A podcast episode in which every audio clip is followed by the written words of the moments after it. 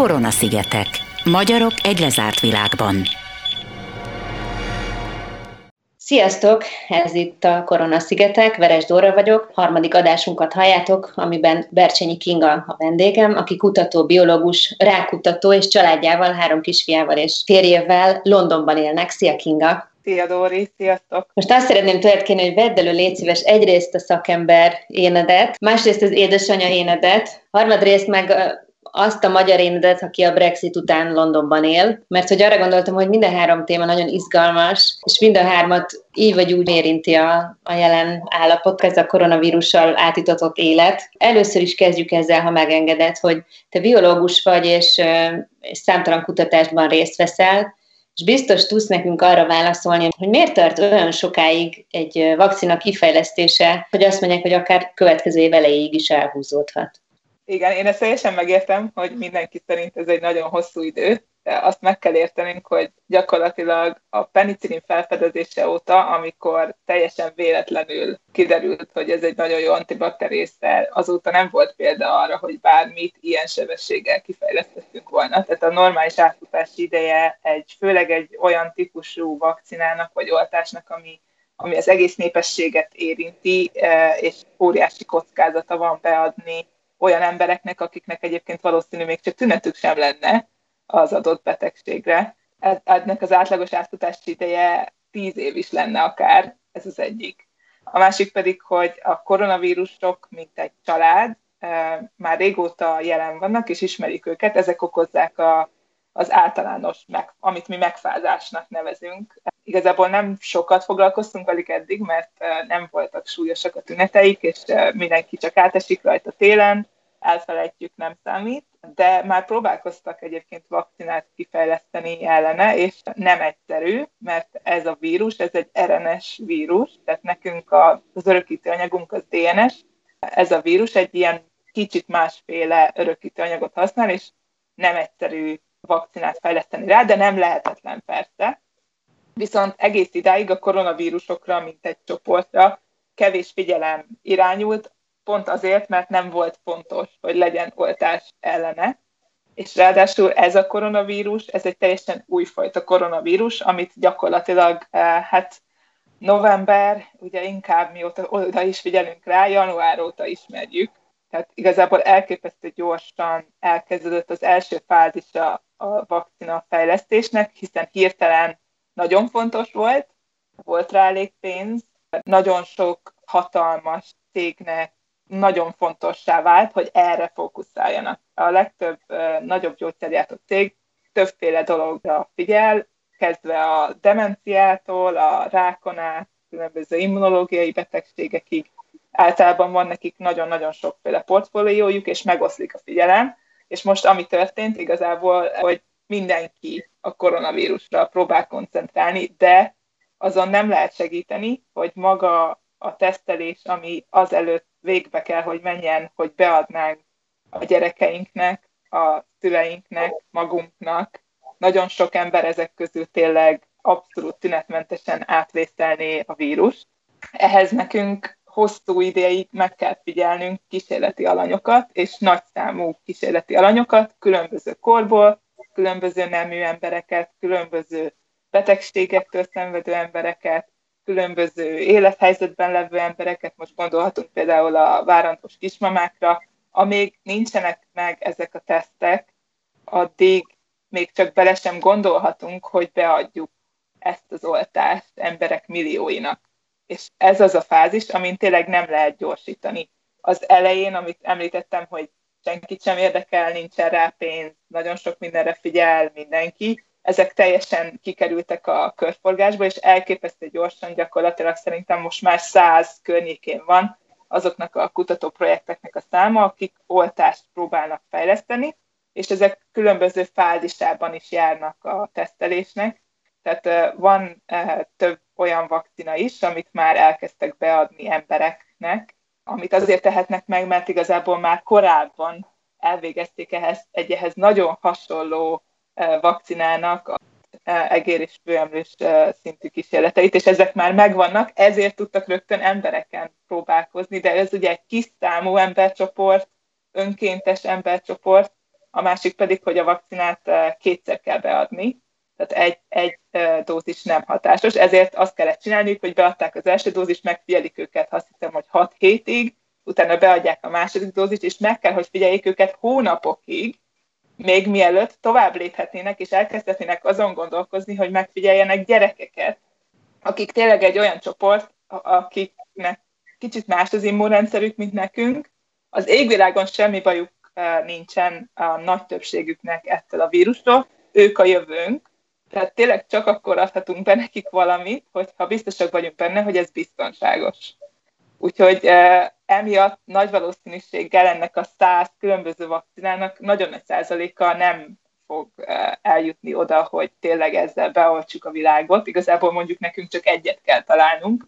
Egyébként van több megoldás is, hogy több úton is el tudna jutni ugyanoda. Attól függ, hogy mekkora kockázatot vállalunk. Tehát lehet legyengít. Ugye a a legegyszerűbb megoldás az, az, hogy oltás helyett nyáj immunitásra hajtunk, ezt a svédek eh, ugye, tesztelik élőben. Igen. Igen, ezt ők, ezt ők tesztelik élőben, emberek millióin. Eh, ők így döntöttek, hogy ők ezt megpróbálják. Nyilván attól függ, hogy melyik országnak milyen az egészségügyi ellátórendszere, és hogy eh, mennyire van erre regedve a társadalma, mert azért az, az egy tény, hogy az időseket sokkal jobban érinti ez a vírus ezek alapján, meg hogy hogyan értékelik az ember élet gazdasági következmények mérlegén, hogy hova jutunk. Még egyszer mondom, azért a gazdasági következményekre azért is oda kell figyelni, mert végső azok is emberéletekbe kerülnek, vagy legalábbis életminőségváltozásba. Tehát nem feltétlenül fekete-fehér a kép ebből a szempontból, eh, de a, a természetes immunitásunk is kialakulhat a vírusra. Tehát van ez az opció, hogy hagyjuk az embereket, hogy megfertőződjenek, és megpróbáljuk úgy intézni, hogy olyan mennyiségben fertőződjenek meg, hogy az egészségügyi ellátószervezetek elbírjanak ezzel a számmal, tehát soha ne kerüljünk abba a szituációba, hogy van, akinek szüksége van orvosi ellátásra, és nem tud hozzájutni. Azért, mert egyszerűen nincs kapacitás. Ez uh-huh. az mhm. egyik opció. A másik opció, ami szintén elég kockázatos, hogy legyengített vírus próbálnak beadni ezzel az a fő probléma van, hogy igazából annyira új a betegség, és annyira kevés információnk van arról, hogy egészen pontosan miket okoz. Ugye a, a legnyilvánvalóbb az a tüdő, tüdő érintettsége, de úgy tűnik, hogy ezen kívül több más e, problémát is okoz, például a vérögök keletkeznek, a vörösvértestek nem tudják olyan jól megkötni az oxigént. E, itt megint ugye az a rizikó, hogy mi azt gondoljuk, hogy legyengítettük a vírus, és nem fogja a tüdő problémákat okozni, de hogyha például a, a vérünk nem tudja megkötni az oxigént, akkor hiába működik jól a tüdő, és beadjuk embereknek, akiknek egyébként semmi bajuk, és bajuk lehet tőle.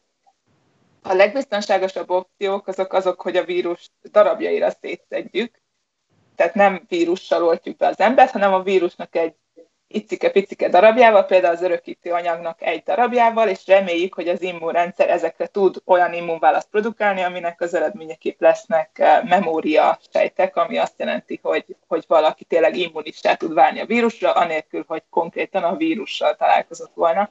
De nyilván, ahogy itt haladunk, ennek a valószínűsége, hogy valaki tényleg immunis lesz, egyre kevesebb, ugye, minél kevesebb kockázatot válasz. Tehát ez egy tényleg egy ilyen kompromisszumos folyamat, és az egész emberiségről van szó, tehát nem lehet, nem fogja senki sem ezt könnyű szívvel aláírni, hogy mindenkinek adjuk be, amíg nincsenek erre teszt eredmények. Tényleg különösen a, a különlegesebb csoportokra gondolva, például a, a várandós kismamákra, amire oda jutunk, hogy, hogy, hogy őket is tesztelhessük, az szerintem sajnos még több is lesz, mint 18 hónap így hogy ismerjük meg ezt a vírust. Számomra a legnagyobb kérdés az, hogy, hogy miért van az, hogy vannak emberek, akik tényleg megkapják, megrezzek magukat, és másnap tovább mennek, és ugyanolyan egészségügyi paraméterekkel rendelkező, látszólag ugyanolyan egészségügyi paraméterekkel rendelkező B ember pedig gyakorlatilag három nap múlva lélegeztetőképpen van. Tehát az ember az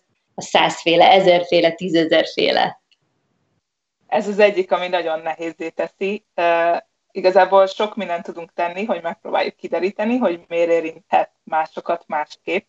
Az egyik nagyon fontos, hogy látszólag egészséges mindenki, de gyakorlatilag azért mindegyikünknek más a a, a fitségi állapota, a tüdejének az állapota, az is számíthat, hogy gyerekkorunkban, nagyvárosban nőttünk-e fel, vagy vidéken.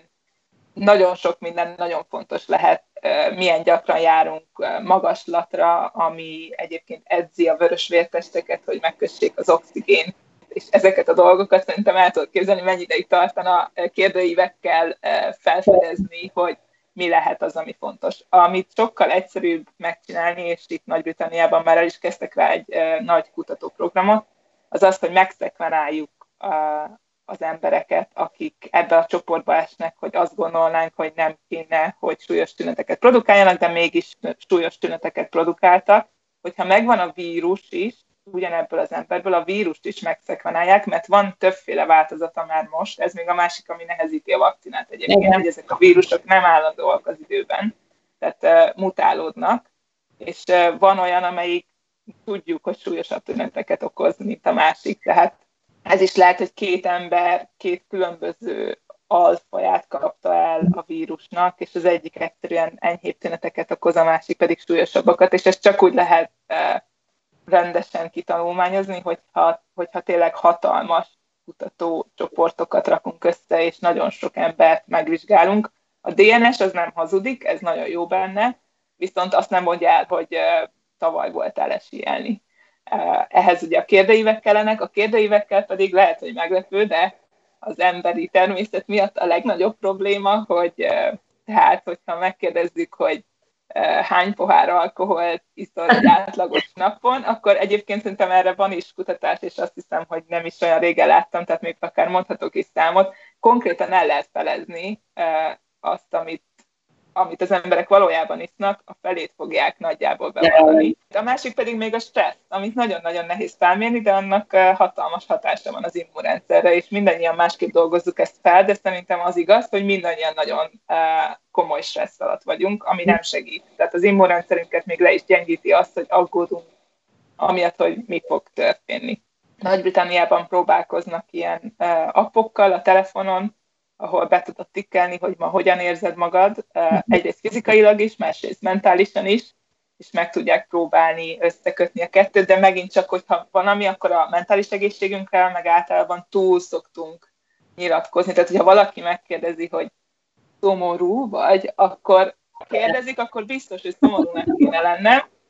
Tehát nem feltétlenül mondunk igazat, ez, és nem feltétlenül direkt nem mondunk igazat, ez még a másik megpróbáljuk ezt betikkelni. Tehát nagyon-nagyon sok, sok lépcsője van ennek, hogy erre rájöjjünk igazából, hogy mitől függ, hogy ki hogyan fog reagálni rá, és egész egyszerűen nem telt el elég idő. A másik pedig, ami itt mi nálunk tudom, hogy nagy probléma volt, hogy annyira hirtelen jött, hogy egyszerűen muszáj volt arra fókuszálni, hogy minél több embert meg tudjanak menteni, ahelyett, hogy megkérdezzék, hogy hány pohár bort ivott tegnap. Tehát egyszerűen erre nem volt kapacitás. Te biológusként mit mondasz mondjuk nullától tízig? Ezt mennyire kell ezt az egészet komolyan venni? Így hát, hátteredben ott a családod, így gondolt végig a kérdést. Hát, hogyha mondhatnék tíznél többet, akkor annyit mondanék. Sajnos azt, én, én azt látom, hogy egész egyszerűen mi belekényelmesedtünk gazdasági szempontból is, meg egészségügyi szempontból is. Folyamatos növekedés volt, folyamatosan egyre jobban éltünk. Igen, biztos lehetett volna jobban is élni, de igazából egyre jobbak voltak a, a, az olyan típusú mutatók, hogy mennyi a várható élettartamunk, hogyha betegek leszünk, ami már ahhoz vagyunk szokva, hogy kicsit felszökik a lázunk, akkor azonnal mehetünk az orvoshoz, és az orvos azonnal felír valamit, és nem is kell otthon lábadozni, hogyha fáj a fejem, rögtön beveszek egy fájdalomcsillapítót. Ehhez képest most ott vagyunk, hogy nem vagyok benne teljesen biztos, hogy itt nálunk pontosan mi történt, amikor tetőzött a vírus, volt, volt arról szó, hogy itt bizony nem jut mindenkinek ágy. Tehát most, hogyha ezt összehasonlítod azzal, hogy korábban, hogyha fájt volna a fejem, akkor azonnal aznap fölhívhattam volna az orvost, aki valószínű még aznap meg is nézett volna szomorúan, együttérzően, rögtön felírt volna valamit, hogy mindenképpen elmúljon. Ehhez képest most ott járunk, az viszont egy tény, hogy a szaturációdnak 85% környékén kell ahhoz lennie, hogy egyáltalán kijöjjön a mentő. Egy átlagos esetben megint csak mondom, az is lehetne, hogy csak pánikolok, és nagyon be van gyulladva a torkom, és kihívom a mentőket, kijönnének kérdés nélkül igazából. Uh-huh. Most viszont csak akkor jönnek ki, hogyha valaki már tényleg nem tud elmenni a, a úgy mérik egyébként, ami nekem vicces egy kicsit, hogy, hogy, hogy ki tudsz menni a mosdóra, anélkül, hogy lihegnél. Ez a 85%-os szaturáció. Tehát, hogyha ha úgy mész ki a mosdóra, hogy odaértél, és meg kell pihenned, akkor, akkor hívd ki a mentőt, és akkor ki fognak jönni, de akkor sem biztos, hogy bevisznek. Tehát ez még a másik, amit csinálnak, hogy azért felmérik, hogy egy 30 évesnek kicsi a valószínűség, hogy tényleg szüksége lenne lélegeztetésre, és gyakorlatilag csak azokat viszik be, akiknek tényleg nagy valószínűséggel szükségük lesz intenzív ellátásra. Mennyire veszik komolyan egyébként ott Londonban, nem tudom, te kertvárosban élsz -e, hogy nyugodtabb környéken hát talán? ilyen kül, külvárosban élek, igen. Nálunk, ami nagyon nagy változást hozott, az a, a miniszterelnöknek, amikor, amikor őt bevitték a kórházba. Tehát kicsit így az egész országnak a hangulatát lehet látni abban, ahogy az ő hozzáállásuk változott a vírushoz. A, a leges legelején még volt egy ilyen nagy kabinet vacsora a Downing Street-en, ahol mindenki ott volt, az egyik egészségügyi miniszterről kiderült, hogy koronavírusos, de, és már akkor már nem volt annyira jól egyébként, de azért még elment, szóval igazából tudtuk, hogy valószínű, hogy mindannyian megfertőzöttek, ők is tudták, e, de akkor még az volt a szlogen, hogy olyasmi ez, mint az influenza, és nem kell aggódni, menni kell dolgozni. Aztán, amikor beteg lett, és e, már nem csinálta a sajtótájékoztatóit 5 órakor, akkor mindenki elkezdett egy kicsit izgulni így emiatt, hogy lehet, hogy azért ez mégsem annyira jó. És aztán, amikor végül bevitték a kórházba, akkor ott mindannyian tudtuk, hogy nagy baj van, mert hiába olyan miniszterelnök, azért mégsem visznek be bárkit a kórházba mostanában.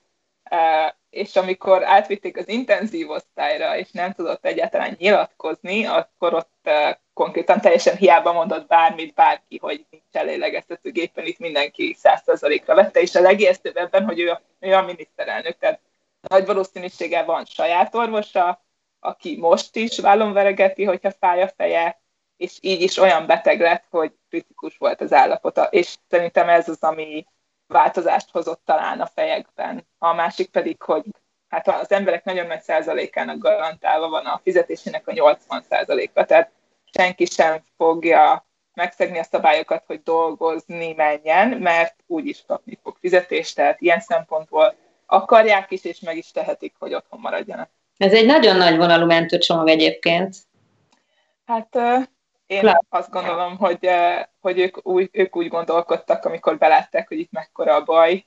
Szerintem ők is tizen túl gondolták, mint én, akkor uh-huh. már, hogy igazából mindegy, hogy mi lesz utána. Tehát nem azon kell gondolkodni, hogy hogy mi fog történni a világgal, amikor, amikor lesz oltás, ami tényleg másfél év, úgyis újra fognak osztódni a, a szerepek, és egész egyszerűen fogták magukat, és megnézték, hogy mennyit tudnak, mennyit kell adni ahhoz, hogy az emberek otthon maradjanak, hogy tényleg ne jussunk el oda szégyen szemre 21. századi fejlett országként, hogy ne jusson mindenkinek orvosi segítség, akinek szüksége van rá.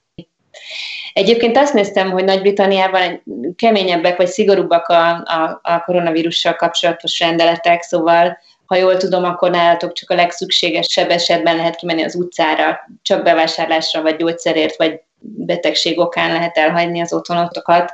Napi egyszer engedélyezik a szabadtéri testmozgást, és hogy a gyülekezéseket is megtiltotta a kormány közterületen, nem tartózkodhat együtt kettőnél több ember, aki nem egy háztartásban él, és egyrészt szigorúnak érzem ezeket, és ahogy most hallgatlak téged, talán helyén való ilyen szigorú. Másrészt viszont kérdésem, hogy ezt betartják-e az emberek, mert most azt mondod, hogy Boris Johnson esete után egy kicsit lehet, hogy óvatosabbak, de azért lehetett hallani azt, hogy például a dél-angliai tengerparton ezrek gyűltek össze, és rendőröknek kellett oszlatni a tömeget. Többféle igazság létezik, én nem voltam ott a tengerparton, úgyhogy nem tudom pontosan, hogy hogy mi történhetett. Ez a bizonyos ominózus hétvége, erről azért tudni kell, hogy ugye, Nagy-Britanniában nem süt gyakran a nap, és hogyha süt a nap, akkor mindenkinek azonnal a legelső gondolata, hogy ki kell menni. Úgyhogy ez, ez egy ilyen plusz extra nehezítése volt a dolognak. És ez konkrétan az első hétvége volt, ami után bevezették a karantént, vagy hát bezárták az iskolákat.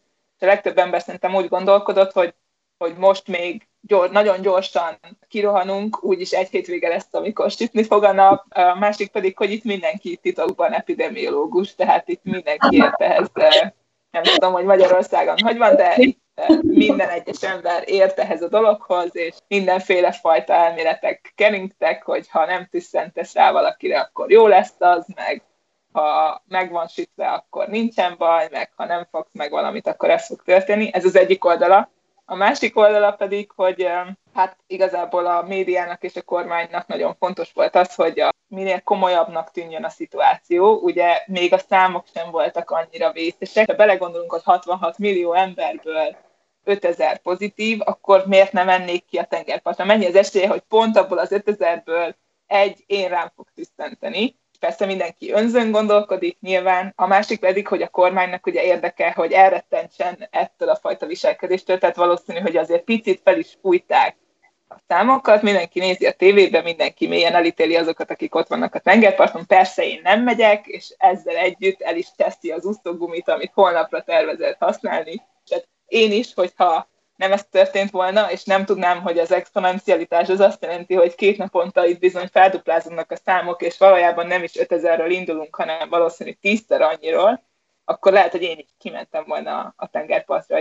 De azóta én szerintem rendeződött a helyzet, főleg azért is, mert a rendőrök büntethetnek pénzbüntetéssel, és mutattak is pár elrettentő példát akik nagyon-nagyon rosszul viselkednek. Ezzel együtt szerintem e, itt is, mint valószínűleg az összes többi országban is nagy probléma a, a fiatalok, a fiatal tinédzserek, akik eh, ahhoz vannak szokva, ugye, hogy szocializálódnak elég sokat, nagy társaságba, nekik, és ugye ők nem betegek.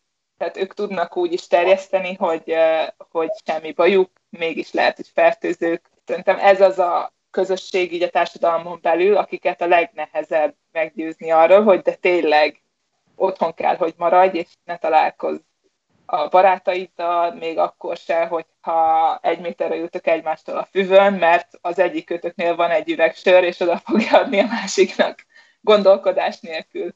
És szerintem ezt a réteget nem sikerült megfogni itt sem. Biztos vagyok benne, hogy találkoznak, egyszerűen nem tudnak nem találkozni és nem láttam nagyon arra utaló eh, kampányokat, hogy a, hogy a szociális médiát, amit egyébként eddig ugye azt gondoltuk, hogy mennyire rossz, hogy egyfolytában a telefonjukon lógnak, hogyha valamit, akkor most ezt kellett volna még jobban promotálni, hogy de igen, lógja telefonodon, nem kell találkozni, uh-huh. posztolj valamit a TikTokra, vagy az Instára, pont ugyanolyan, mint hogyha együtt lennétek, mindenki így otthon egy pohár valamit, amit szeretne, és ez ugyanaz, mint hogyha kiülnétek a parkba, és együtt lennétek. Azért is kérdeztem, hogy te merre élsz Londonban, vagy ti merre laktok a családoddal, hogy mész ott az utcára, és látod, hogy mennyire tartják be ezeket a szabályokat. A napi egy órám az, amit nem mindig sikerül nekem kihasználnom, mert a másik oldala még, hogy itthonról dolgozunk, és a gyerekek is itthon vannak, tehát eh, lehet, sokan, ha kimehetnének, se tudnak kimenni. Úgyhogy nincs is ez a fajta problémájuk, de amikor kimegyek futni például ide a helyi kisparkba, akkor maga a parknak a nagy része az teljesen jó, nem, nem lát senkit, aki ülni a padakon, hogyha valaki véletlenül az is csak leült, mert szétfutotta magát, tíz éve nem futott, és most csak futni lehet kimenni. Ez még a másik egyik, hiszem a végére lehet fittebb lesz a társadalom, viszont van egy, hát biciklizni is lehet rajta, meg skúterezni is lehet rajta, meg gördeszkázni is lehet rajta, ilyen kis kalandpark-szerűség, és ott szoktam látni ezeket a 16-18 éves forma a tinédzsereket. Most már nem ülnek, eddig mindig ültek ott egyébként korábban, ugye látszólag, látszólag fit, fitség miatt voltak ott, de persze azért voltak ott, ugye, hogy szocializálódjanak. Most mindannyianknak van is gördeszkája, és tényleg gördeszkáznak is, de nagyon sokan vannak nagyon kicsi területen. Igazából nem úgy látom, hogy bárki akarná őket konfrontálni Uh-huh. Én is gondolkodtam már rajta, hogy megállok ott, és elmagyarázom nekik, de kétlem, hogy kétlem, kétlem. kétlem mert attól a pillanattól öregszik meg egy nő, amikor elkezd a 16 évesekkel veszekedni az utcán. Viszont amit csinálnak, hogy naponta kétszer elmegy a helikopter a fejünk felett. Tehát biztos vagyok benne, hogy felmérik ezeket a, az ilyen hotspotokat, igen, és akkor gondolom én, hogy az az elmélet, hogy ugye nem azt várják el a publikumtól, mint például én, hogy kimentem az egy órámat futni, és azzal kell, hogy töltsem az időt, hogy vagy öreg néninek tűnve leszidom őket, vagy kihívom a rendőröket, ami aztán abszolút abszurd, azért kihívni a rendőröket, mert valaki gördeszkázik, hanem helyette elmegy a fejünk fölött a helikopter, és akkor lehet látni rajtuk, hogy azért kicsit így akkor most olyan mennyi idő múlva lesznek itt a zsaruk, és mm. el kell menni. Szóval így ez, ezzel próbálkoznak. A gyerekeit közül, ha jól tudom, az egyik már iskolás. Hogy zajlik nálatok Londonban a távoktatás? Ez a digitális iskolára való átállás, ez mennyire rugalmasan zajlott, és, és hogy néz ki az ő napi penzuma, mit kell tanulnia, hogyan tanul? Hát az egyik nagy különbség, ő 7 éves, tehát ő Magyarországon most elsős lenne, de négy éves korában kezdett el iskolába járni. Úgyhogy emiatt írni, olvasni és számolni is elég jól tud. Tehát nem most kell megalapoznunk az, az egész életére szólva ezeket az alapképességeket, hanem ezek már megvannak neki. Ennek köszönhetően igazából, hogy nyernek két-három évet azzal, hogy előbb kezdenek, sokkal lazább a, a kurikulum is, meg a számonkérés is, tehát egyáltalán nem pártolják a, a dolgozatírás, nincsenek jegyek, igazából szinte az egész önmaga által motivált, plusz kapnak matricákat, van rendszer, hogy lehet előrelépni, főleg mondjuk viselkedés szoktak ilyen módon motiválni, nem is annyira teljesítmény. Tehát gyakorlatilag 11 éves korukig egyáltalán nincs formális számonkérés. Most emiatt nekünk, hogy itthonról kéne tanítanunk őket, sokkal egyszerűbb dolguk van szerintem, mint a magyar szülőknek, akiknek azzal is szembe kell nézni, hogy azon kívül, hogy bűntudatom van, hogy nem tanult hat órát kőkeményen itthon, azon kívül még meg is fog szegény bukni a dolgozaton, tehát nem csak, hogy nem vagyok elég jó szülő és tanár, hanem még a szegény gyereknek is emiatt negatív következmény lesz, amit papíron lehet majd látni. Nekünk nincs ez sem. Uh-huh. A másik pedig, amiben eh, mindig is nagyon előjárt a, szerintem Nagy-Britannia, az a technológia használata az oktatásban, tehát egyrészt a BBC most elkezdett egy eh, programot, ami különböző korosztályoknak speciálisan, tematikusan fel van építve, és például a természetismeretet eh, David Attenborough tanítja, az egész család ezt nézi, alig várjuk, hogy ezt megcsináljuk, ez nagyon jó minden reggel kilenckor az egyik YouTube um, igazából itt nagyon-nagyon ismert, az a neve a Joe Vick, ő egy ilyen fitness edző, egyébként nem testnevelő tanár, de minden reggel kilenckor testnevelés órát tart, csak hogy így mondjak számokat a legelején, amikor elkezdte, akkor ilyen 950 ezeren voltak élőben a csatornáján, amivel egyébként meg is döntötte a világrekordot a YouTube-on. Ez volt a valaha legtöbb ember egyszerre élőben egy fitness csatornán. Tehát ez elképesztő, és mivel mindenkinek elérhető, vagy hát a, legalábbis itt Londonban az embereknek nagy százalékának elérhető az internet is, és a technológia is adott, így a mi osztályunk például egy Zoom meetingen keresztül együtt tesizik velük, igazából ez az, amit közösen online töltenek időt, a többi időben pedig mindenki szabadon eh, csinál, amit szeretne. Csinálnak egy eh, Lego challenge-et is, ami minden nap valami más dolgot építenek Legóból, akinek van kedve épít, akinek nincs kedve nem épít, és utána ezt felveszik videóra, tehát van, aki csinál kisfilmet, egy egész történetet eljátszanak, ahogy mennek a Lego figurák, megnézhetik és kommentelhetnek rajta, amit nevezhetünk írásgyakorlásnak is, bár kicsit azért túlzás van eh, művészet típusú tantárgy, amit mostanában teljesen arra fókuszálnak, hogy a házadat feldíszíts. Tehát ezen a héten például az a feladat, hogy eh, szivárványos dolgokat kell rajzolni, és ki kell lakni az ablakba, ami egy nemzeti kampány egyébként, hogy az egészségügyi dolgozók és az egyéb olyan munkások, akiket mi úgy hívunk, hogy kívülke, tehát ide beletartozik az, aki a szemetet elviszi, az, aki házhoz szállít, az, aki bármiféle fajta olyan munkát végez, hogy nekünk legyen áramunk, gázunk, internetünk, mindenki tudja, hogy ez nekik szól, és az ő munkájukat köszönjük meg ezzel. Na, ez házi feladat az iskolában, hogy mindenki csináljon ilyet, és rakja ki az ablakába.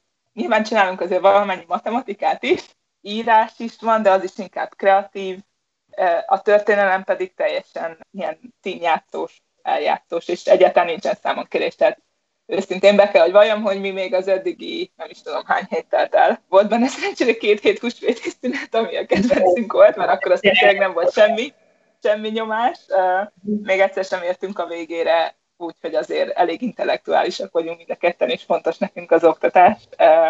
De én most nem úgy látom, hogy ez lenne a legfontosabb dolog, amit jelenleg egy gyereknek meg kell csinálni a napi szinten. Nyilván az a cél, a cél, hogy legyen valami, amit csinál aznap, és hogy tisztában legyen vele, hogy nagyjából mikor mi fog történni, tehát nekünk is van napirendünk, de nem eh, tanulunk ilyen katonás rendben. Mi kalácsot sütünk, növényeket ültetünk a kertbe, legózunk, tényleg ilyesmiket csinálunk. Mondom, olyan szempontból is szerencsés vagyok, hogy azért egy 7 évesnek én szerintem, vagy remélem, hogy azért Magyarországon sem kell megszakadnia az otthontársban. Szerencsés helyzetben vagyunk ilyen szempont. Bocsánat. Ha nincs koronavírus, akkor is zajlik valahány százaléka online térben az oktatásnak, szóval használják azért ezeket a digitális eszközöket, platformokat a tanárok? Hát nem ennyire, mint most.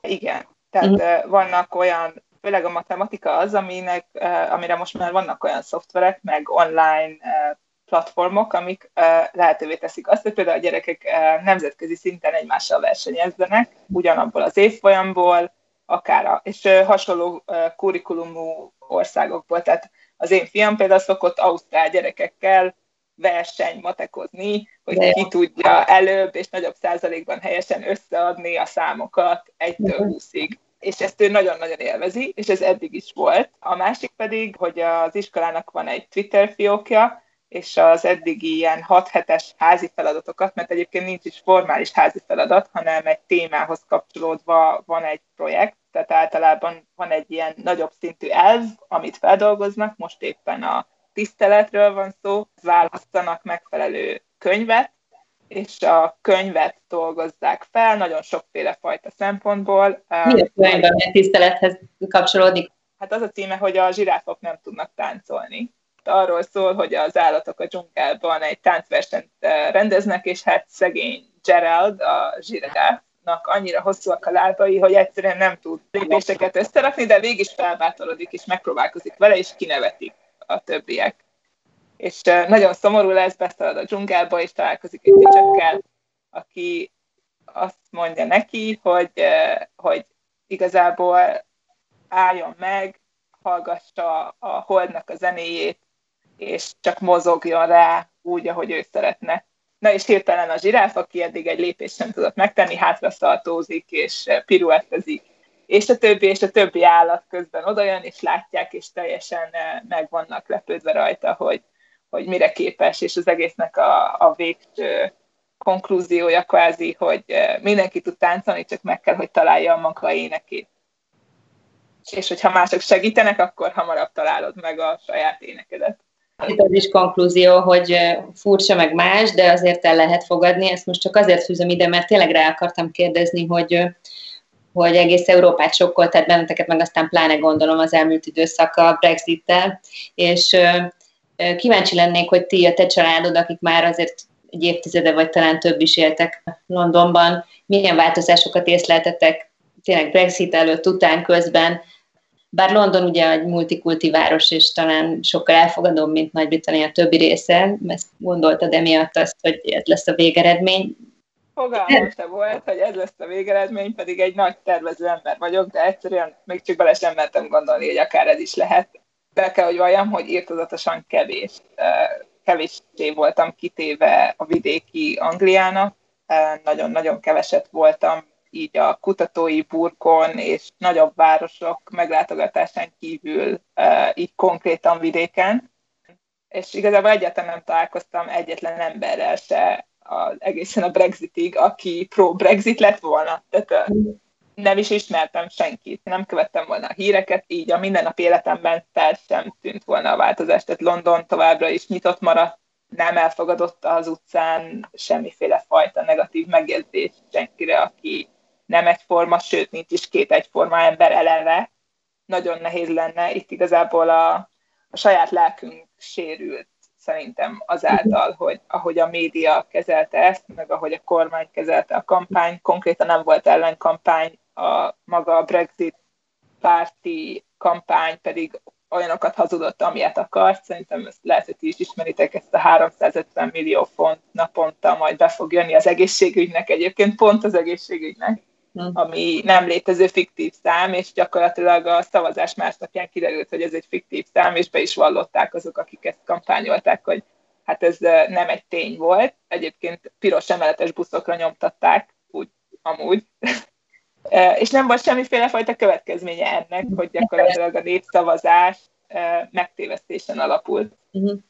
Nagyot csalódtam így az alkotmányban miatt, a kormányban, és utána, ahogy kezelték az egész helyzetet, hát konkrétan egész Európa nevetséges tárgyává vált a, a brit kormány, a brit állam, az az ország, amit végül is az otthonommá választottam, amikor kiköltöztem, úgyhogy emiatt is fájt, de persze nem sajnálom őket, mert saját maguknak köszönhetik, hogy, hogy erre szavaztak, akkor még mi nem szavazhattunk, de most már azóta megszereztük az állampolgárságot, úgyhogy próbálok úgy tekinteni el az állampolgárságra, hogy ez azt a lehetőséget adja meg nekem, hogy akármikor ilyen kérdésekben a választópolgárok dönthetnek, akkor legalább lesz még egy, vagyis hát kettő a férjemmel együtt olyan szavazat, aki értelmesen szavaz.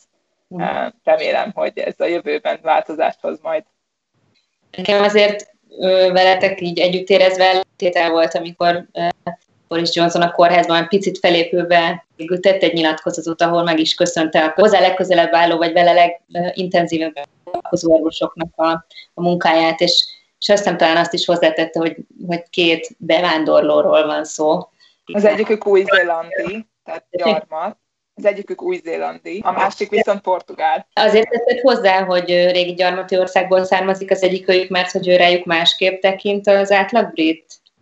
Hát igen, tehát ő rájuk úgy tekint, hogy, hogy ők nem a munkájukat ellopni jönnek ide, hanem, hanem ők bármikor jöhetnek ide, hiszen egy gyarmati országból jönnek. Mi ránk pedig sajnos ránk húzták ezt a, a munkájukat ellopjuk, és saját kultúránkat rájuk erőltetjük. Uh-huh lepedőt sajnos. De mondom, nagyon sok minden történt, amit a koronavírus alatt itt azért újra gondoltatja az emberekkel. Például a román vendégmunkásokat hoztak be charter eh, gépekkel, nem kis költséggel, hogy leszedjék a termést. Mert enélkül nem lesz az idén brit szamóca, és eh, brit szamóca nélkül nem lehet nyár. Meg pesgő.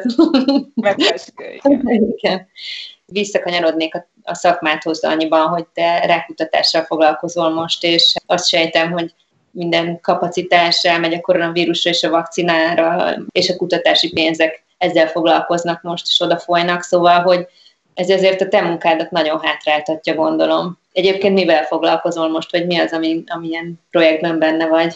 Hát a munkámnak a szépsége, hogy nagyon sok projektben benne vagyok egyszerre többféle fajta gyógyszereket látok, és többféle fajta rák ellen fejlesztünk.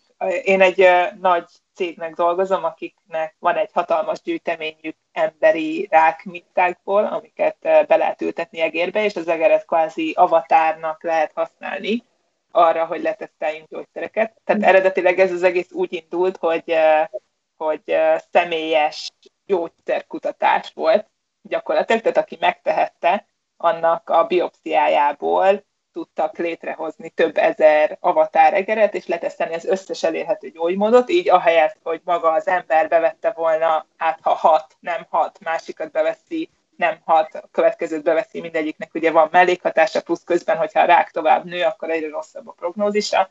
Ehelyett nekik lehetőségük volt, ennek a kevés eh, privilégiumos embernek lehetősége volt arra, hogy, eh, hogy az egerek alapján az orvosa föl tudja írni valószínűleg a előbb gyógyszert. Miért mondod ezt múlt időben?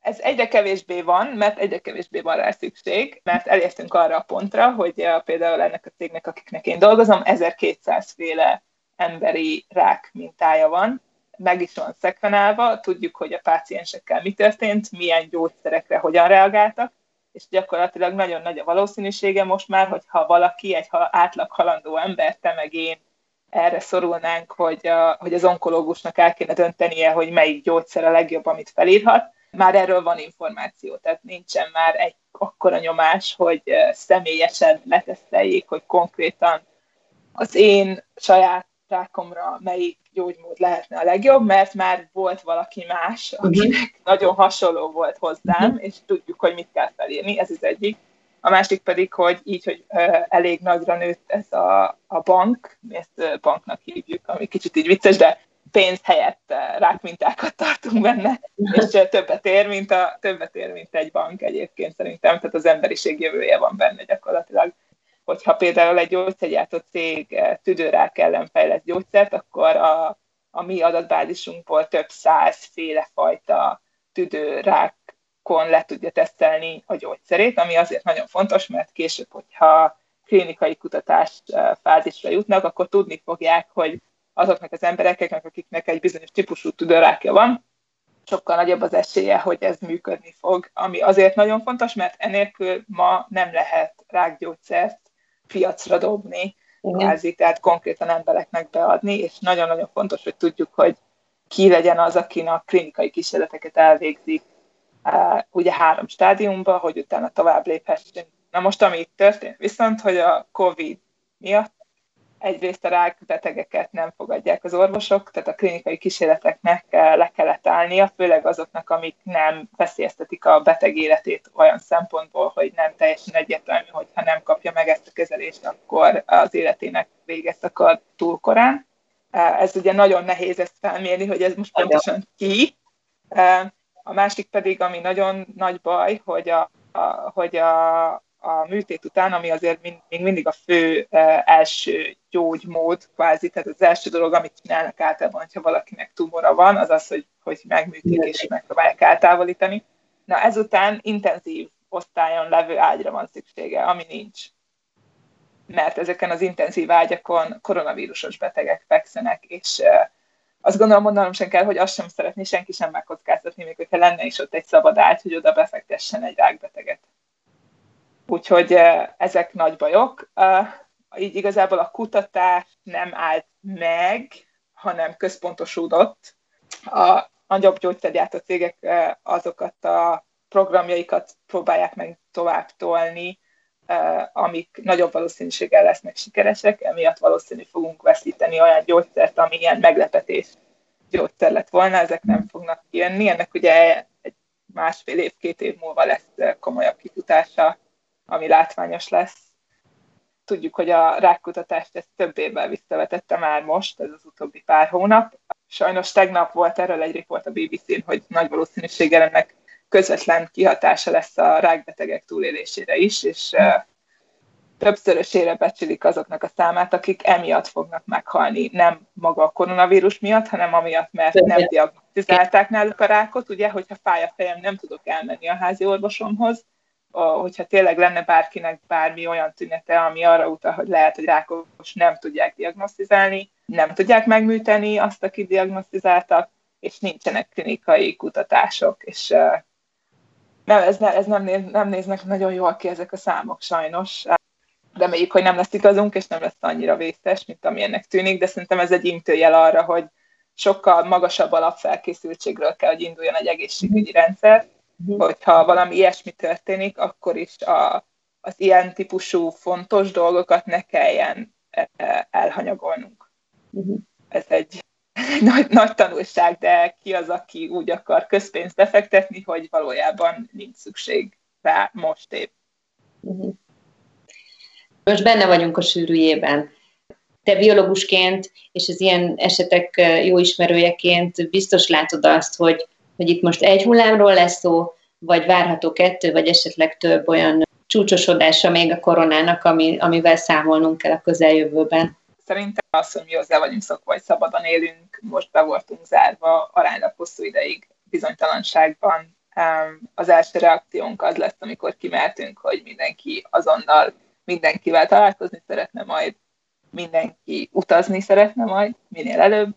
Nyár is lesz, jó lesz az idő, és nagyon-nagyon nehéz lesz visszafogni magunkat, mert hiába láttuk, hogy történt itt, azért az exponencialitás az egy huncut dolog ebből a szempontból tényleg, hogy picik a számok, e, nem fog tőle tartani igazából senki sem. Viszont, hogyha jön egy második hullám, és e, nem vagyunk még annyira sem óvatosak, mint most, és most azért eléggé ilyen alvónyulakként e, kivártuk, hogy, hogy rossz legyen a helyzet, de hogyha akkor meg mindannyian, mint az őrültek utazni vagyunk, akkor eh, még ennél is meredekebb lehet a, a második hullám, ami tényleg aztán oda vezet, hogy nincsen elég ágy, és hogyha nincsen elég ágy, akkor a mortalitási ráta tényleg katasztrofikusan rossz eh, lehet. Tisztában kell lenni vele, hogy amíg nincsen oltás, addig itt nem lesz teljes nyitottság. Tehát nem lesz többé ilyen, hogy több százan fekszünk egymás mellett a strandon, a Balatonon, nem lesznek nagyobb koncertek, ahol egymás mellett tudunk csápolni, és ez, ez fáj, és tudom, hogy ez nagyon nehéz, mert alapvetően szeretünk együtt lenni másokkal, a családunkkal, meglátogatni az idős nagyszülőket például. Meg fogjuk tudni látogatni őket, de nem fogunk tudni puszilkodni, lelkezni, vagyis hát, hogyha felelősek akarunk lenni, akkor ezeket a dolgokat kerülni fogjuk, nem fogunk egy pohárból inni. Hogy úgy érzem a szavaidból, hogy itt lesz második hullám, és nem feltétlenül csak azért, mert hogy felelőtlenek vagyunk, vagy, vagy nem tudom, annyira hozzá fogunk Nem, szokni. magától értetődik, hogy lesz második hullám. Tehát csak akkor nem lenne második hullám, hogyha akkor lenne az immunitásnak a foka, hogy nem tudna a vírus elterjedni újra. Ehhez nagyjából 80%-os immunitásnak kell lennie az adott országban, plusz ugye nem számoljuk a kibejövő repülőgépeket, akik ugye hozzák a fertőzött embereket és viszik. 80 százalék. Uh-huh ez nincs meg. Szerencsére nincs meg, mert eh, borzasztóan rosszak lettek volna a számok. Tehát én itt láttam erre számokat, hogyha 80%-ot elengedtük volna itt, akkor fél millió halottal számoltunk volna. Akkor nem lenne második hullám. De szerintem mindannyian egyedélünk, hogy nem ér meg fél millió halottat, hogy ne legyen második hullám, és hogy karácsonykor ne ihassunk egymás után a pohárból. Karácsonykor már egy körül fogunk ülni családunkkal. Hát egy asztal körül fogunk ülni, de valószínűleg idősebbik családtagok egy kicsit, kicsit nagyobb helyet fogunk hagyni, én ezt mondanám. Ami nagyon biztató, hogy úgy néz ki, hogy van egy gyógyszer, ami talán leveszi az élét a dolognak, eh, nagyon-nagyon korai, és még nem publikálták, igazából csak egy nagyon kicsi páciens számról van információ, eh, de nagyon biztató, mert eh, eddig akik lélegeztetőgépre kerültek, nagyjából 20% volt az esélyük, hogy arról lekerülnek és hazamehetnek most viszont a 115 ember, akit, akit, akinek az eredményét közzétették, mindannyian felgyógyultak. Chicagói adat, ez az ebola, ebola ellen használt antivirális gyógyszer, az a neve, hogy remdesivir. Uh-huh. Két hét múlva lesznek, ered, lesz eredménye egyébként, hogyha tényleg működik, amik több mint 2000 emberen letesztelték, hogyha tényleg működik, akkor ez azt jelenti, hogy ha el is kapják a, azok az emberek, akik lélegeztetőgépre kerülnének, nem halnak bele.